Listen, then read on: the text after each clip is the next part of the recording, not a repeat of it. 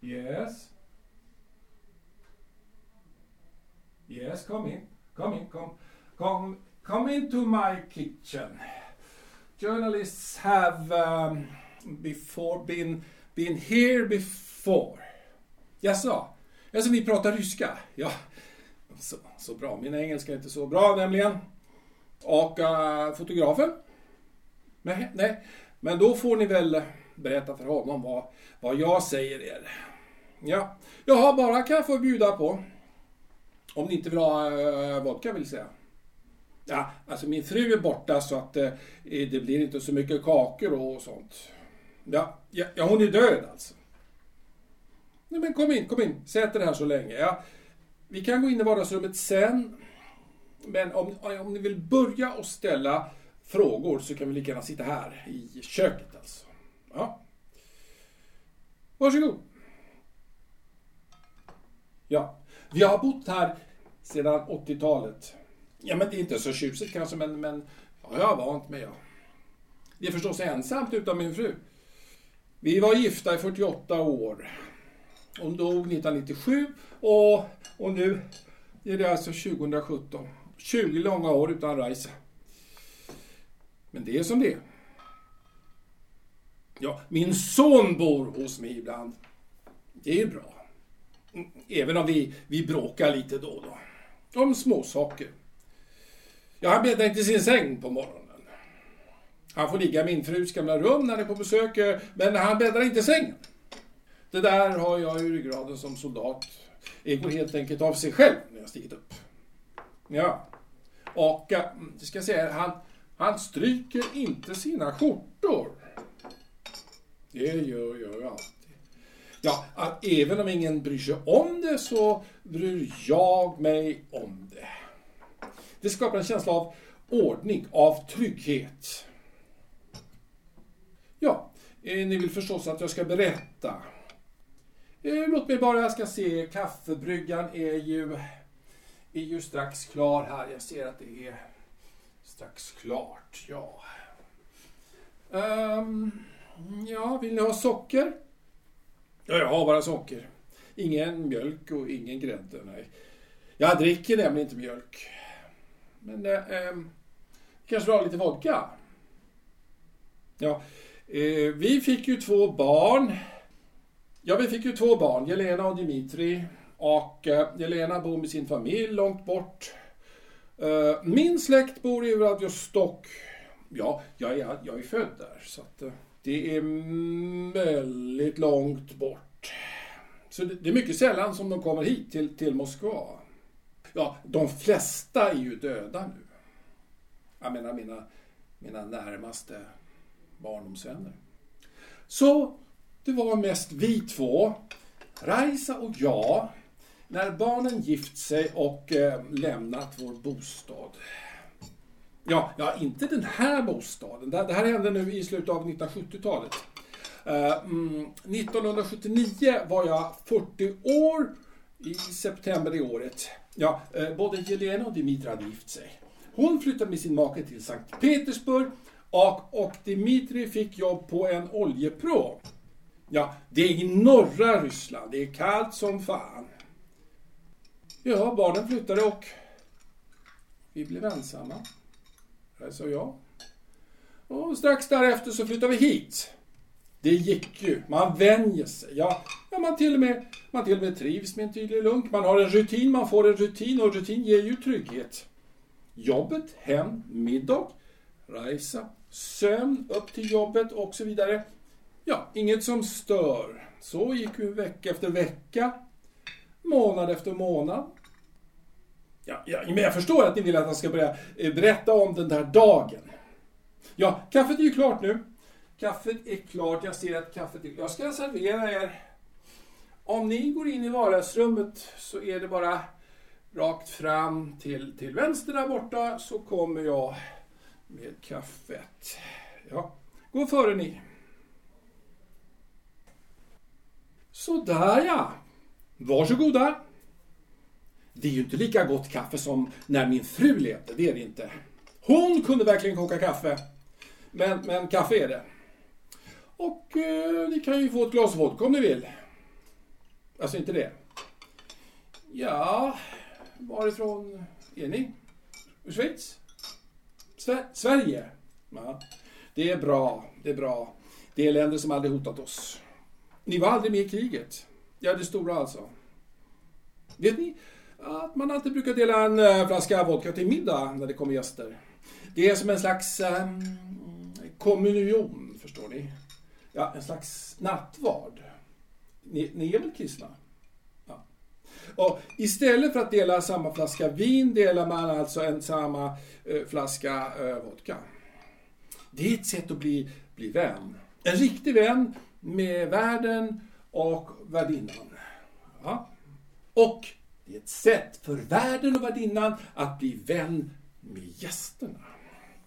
Ja, nu är det ju inte någon middag eftersom mitt på dagen, men jag vill i alla fall berätta för er om, om ryska traditioner som vi har. Alltså, har ni ändrat er? Ni kan tänka att dela en flaska med mig. Ja, men det, det gläder mig. Det gläder mig verkligen. Då går jag och äh, hämtar äh, flaska och glas så länge. Skål då vänner! Ja. Det var alltså eh, den eh, 25 september 1983. Jag jobbade vid eh, Serpuchov 15 här utanför Moskva som den högst ansvariga officeren.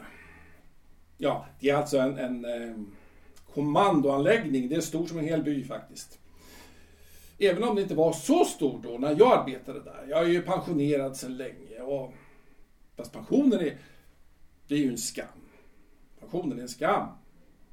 Nåja, på Serpeshov 15 fanns alltså ett satellitbaserat varningssystem för robotanfall.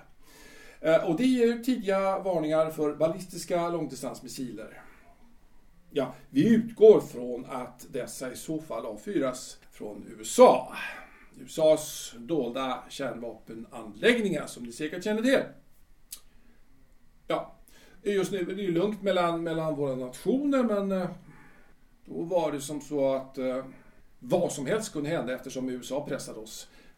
Så här var det. Den 23 mars 1983 sa president Reagan att man skulle sätta igång en väldig kapprustning i rymden. Mm. Det heter Strategic Defense Initiative. Fast i tidningarna kallades det hela Star Wars. Ni kanske minns det? Ja, så här var det. Genom att installera vapen i satelliter ville man förstöra våra möjligheter att återgälda angrepp eftersom kärnvapenbalansen våra länder emellan ju helt skulle upphöra. Förstår ni? Förstår ni vilket hot det skulle innebära? Förstår ni? Det hot som vi stod inför. Ja, jag hade ju nattskiftet under den här perioden. Och det är mellan eh, 10 och 6 på morgonen. Jag skulle egentligen inte ha det här skiftet. Det var, det var så här att en kollega hade blivit sjuk, så jag kallades in som hans ersättare. Ja, en bil väntade mig som vanligt eh, klockan nio utanför porten. Vi åkte som vanligt genom skogen Klockan kvart i tio var jag framme vid eh, observatoriet. Ja, vi kallade det ju så. Observatoriet sa vi. Anläggningen, alltså den här själva, själva kommandocentralen, den var, ju, den var ju hemlig. Egentligen, den var hemlig, även om alla i trakterna visste att det förstås var en militäranläggning. Nå, vi hade fått ett nytt datasystem som kallades OKO. Det var alltså ett datasystem för att uppfatta tidiga signaler av missilattacker. Och så? Nej. Nej, nej, nej, jag anade ingenting den kvällen. Vi hade inga speciella oroande rapporter den dagen, varken uppifrån militärstyret eller det som gäller det tekniska. Jag kan naturligtvis inte tala om våra källor. Även om jag är pensionerad sedan länge har jag tystnadsplikt vad gäller ja, det som fortfarande är hemligstämplat som ni förstår. Så länge jag lever är det hemligstämplat, men det är nog inte så länge till. I alla fall. Natten började som vanligt. Jag gick igenom de olika rutinåtgärderna tillsammans med mina underlydande och fick rutinmässigt in data från olika håll. Ja, det är ju cirka 20-25 tekniker och militärer av olika rang som, som rörde sig i lokalerna dygnet om. Vi hade ju dygnet om bevakning förstås. När jag gjort det jag skulle göra tog jag en kopp kaffe tillsammans med mina, mina närmaste män, elektroingenjör Nikolaj Morozov och major Alexander Pasternak. Och klockan närmar sig då midnatt. Det, det var precis som det brukade vara, alldeles lugnt. Allt flöt på precis som det brukade. Inga problem. Men strax innan klockan blev kvart över tolv så hände något. Eh, vill du ha lite mer vodka kanske? Nej, nej, nej då så. Det var alltså något som skedde kvart över tolv. Larmsignalen ljöd. Larmsignalen ljöd. Och på våra datorskärmar kunde vi se ett enda ord. Start, stod det. Start. Vårt satellitövervakningssystem OKO hade fångat upp tidiga signaler från en amerikansk långdistansrobot. Den hade alltså startat. Varningssignalen hade gått igenom 30 lager av verifikationskrav väldigt snabbt. Ja, det är för våra höga säkerhetskrav. För att undvika misstag. Ja. Inte nog med det. Strax därpå ljöd varningssignalen en gång till. Och ordet start lyste igen. Det innebar alltså att ännu en robot hade startat. Strax efter det ljudet hörde signalen en tredje gång och en fjärde. Och, och en femte och till sist en, en sjätte. Kort efter varandra. Kort efter varandra. Sex amerikanska kärnvapenbestyckade långdistansrobotar var alltså på väg mot oss. Och de skulle, enligt våra tidigare beräkningar, vara framme vid sina mål inom en halvtimme. Min uppgift var att föra budskapet vidare i orderkedjan så att det snabbt nådde till den militära ledningen, alltså överkommandot, Stavka VGK, samt den politiska ledningen, alltså politbyrån. Ja, så var det. Ursäkta att jag svettas lite. Jag får knyta upp slipsen tror jag. Jag börjar alltid svettas när jag återberättar historien trots att, att det är så länge sedan som det hände. Jag, inget jag kan kontrollera. Det har satt sig i min kropp så att säga. Ja. Ja, ja, ja. Ni vill väl att jag fortsätter berätta? Det vill inte ha lite vodka? Inte det? Ja, egentligen behöver jag väl inte säga något mer. Ni vet ju vad som hände. Jag vägrade lyda order. Varken general Jurij Vutsinev, ja det är vår högste befälhavare vid luftförsvaret i alla fall 1983, eller politbyråns generalsekreterare fick rapporten om en förestående kärnvapenattack mot vårt land. Så var det med det. Jag blev senare inkallad till eh, general eh, Votsinsevs kontor i Moskva. Han sa att min handling han sa att min handling blivit noterad och kritiserade mig för att jag inte skrivit in en ordentlig rapport i krigsdagboken som ovillkorligen skall föras varje dag och natt. Medalj? Nej. Men eh, äh, Otintsev han rekommenderade att jag borde ta ett annat, ett mindre stressigt arbete inom Försvarsmakten för, för mitt eget bästa. Och det ordnades också. Har ni något emot att, att jag dricker lite vodka? Nej, nej, då så. Ja, det är så här jag behöver ibland något uppiggande. Det är, det är ju tråkigt här för en efter pensionen. Vad har man för liv egentligen? Va? Jag hoppas att min son flyttar in hos mig snart. Så jag får lite sällskap.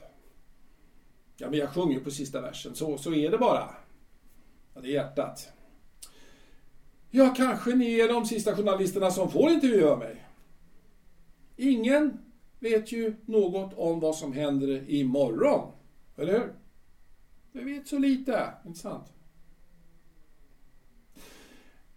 Ja.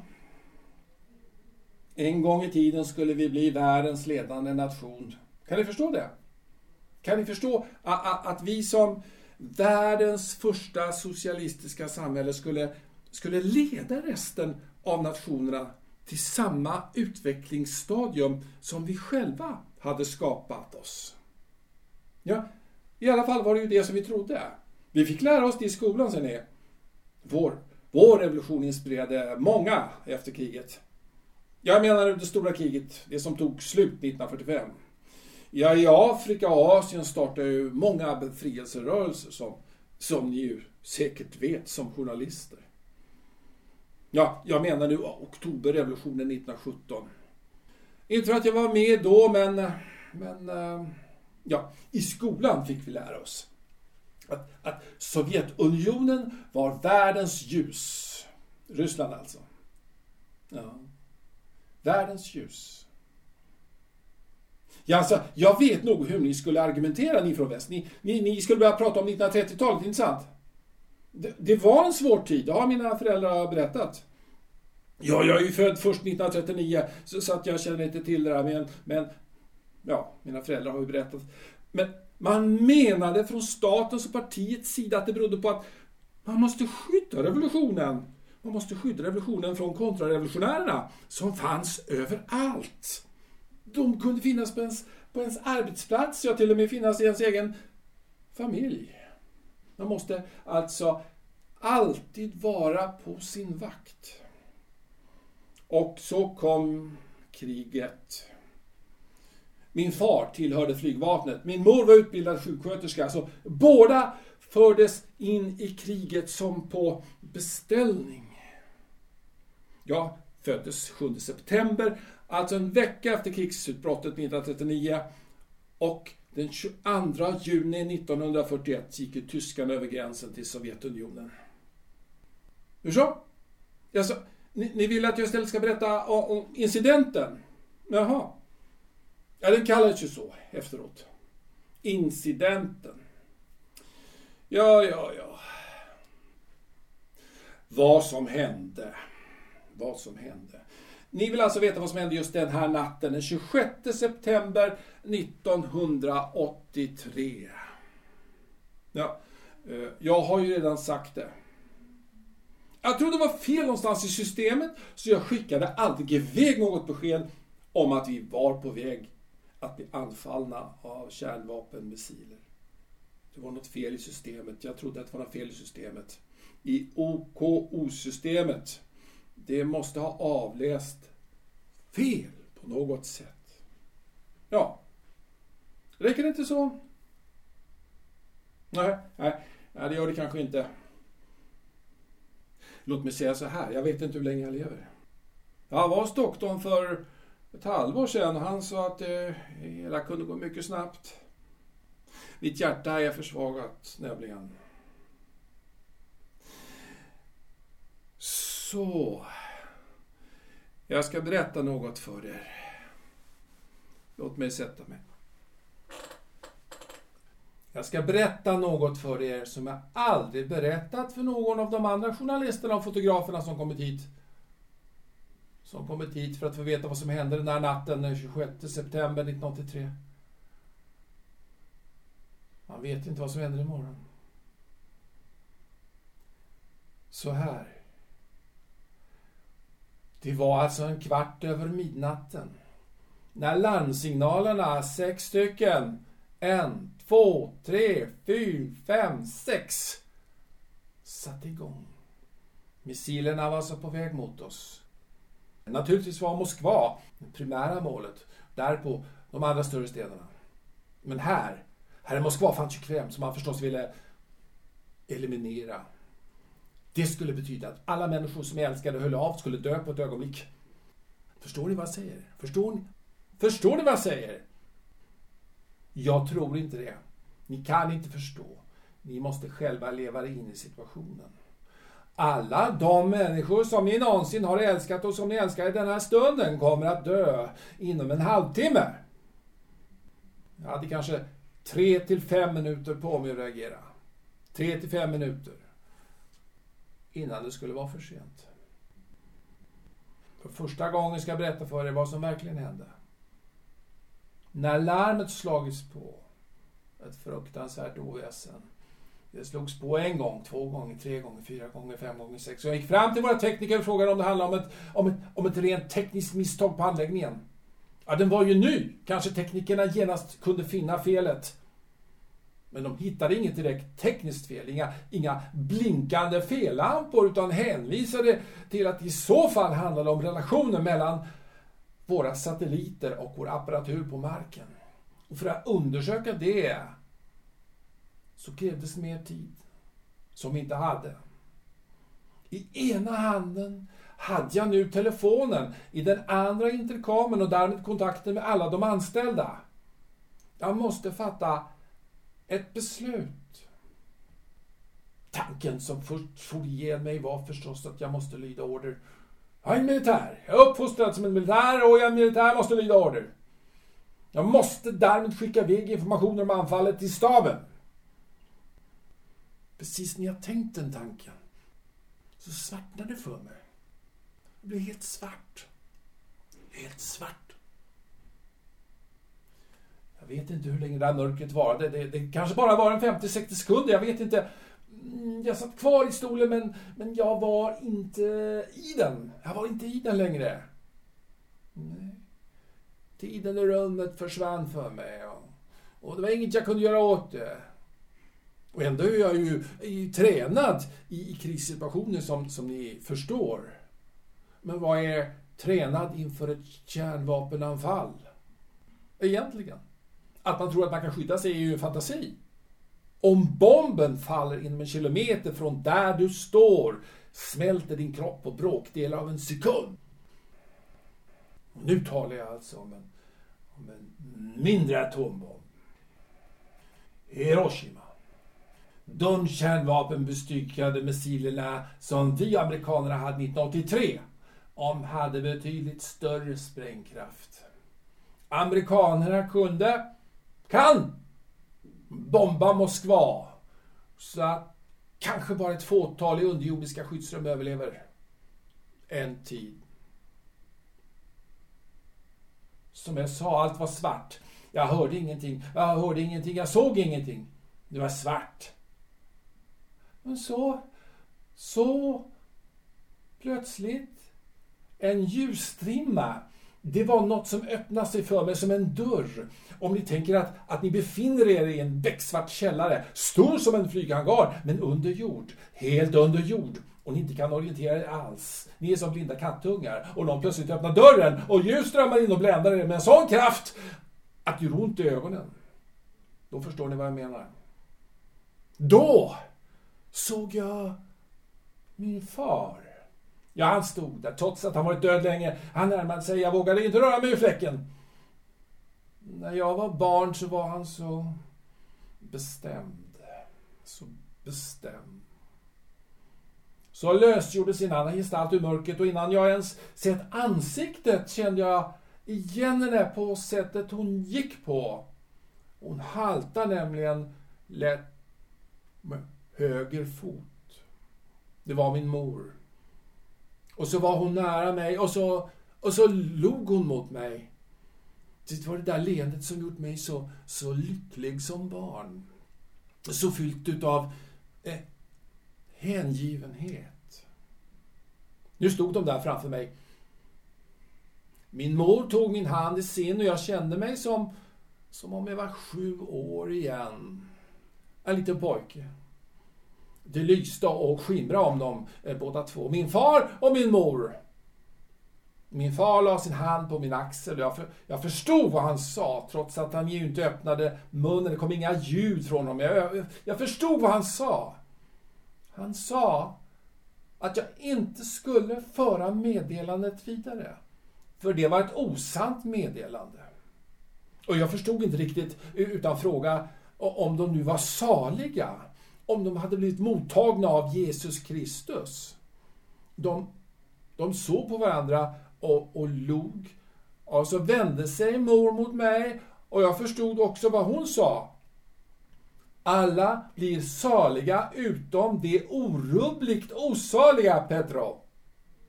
Vilka är de osaliga? frågade då mor. De osaliga är de som har skämt blod på sitt samvete. De osaliga, det är de som vill hämnas. De osaliga, det är de som aldrig kan förlåta. Jag minns mycket tydligt också min fråga. Måste vi inte hämnas de oförrätter som utan förskyllan drabbat oss? Min far tittade länge på mig och sen sa han Oförskyllt eller förskyllt gör detsamma. Hämnden skapar skämt blod och skämt blod gör människor osaliga. Men far, du var ju själv stridspilot i det stora fosterländska kriget, sa jag. Du sköt ner så många fiendeplan som du kunde. Ja, sa min far. Jag gjorde min plikt som jag blivit lärd. Och fienden i sina plan gjorde sin plikt som de blivit lärda. Men då sa, då sa far, sa jag. Då förstår du väl att jag måste göra min plikt? Och då sa han till mig. Följ plikten min son, men inte den yttre plikten, utan den inre plikten. Och sen, i nästa ögonblick, var både mor och far borta, upplösta som en dimma. Så blev jag, så blev jag medveten om att jag, jag satt i stolen med, med telefonen i ena handen och intercomen i den andra med dussintalet människor som sprang omkring i centralhallen och ovanför mig stod mina, mina två närmsta underlydande. Den tekniskt högst ansvarige Nikolaj Morozov och major Alexander Pasternak. De stirrade på mig. Det var som om de inte alls hade uppfattat att jag varit medvetslös. Vad ska vi göra Petrov?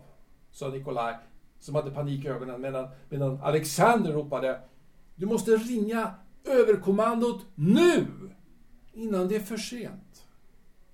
Jag kom på fötter och jag kände jag kände en obeskrivlig styrka i min kropp.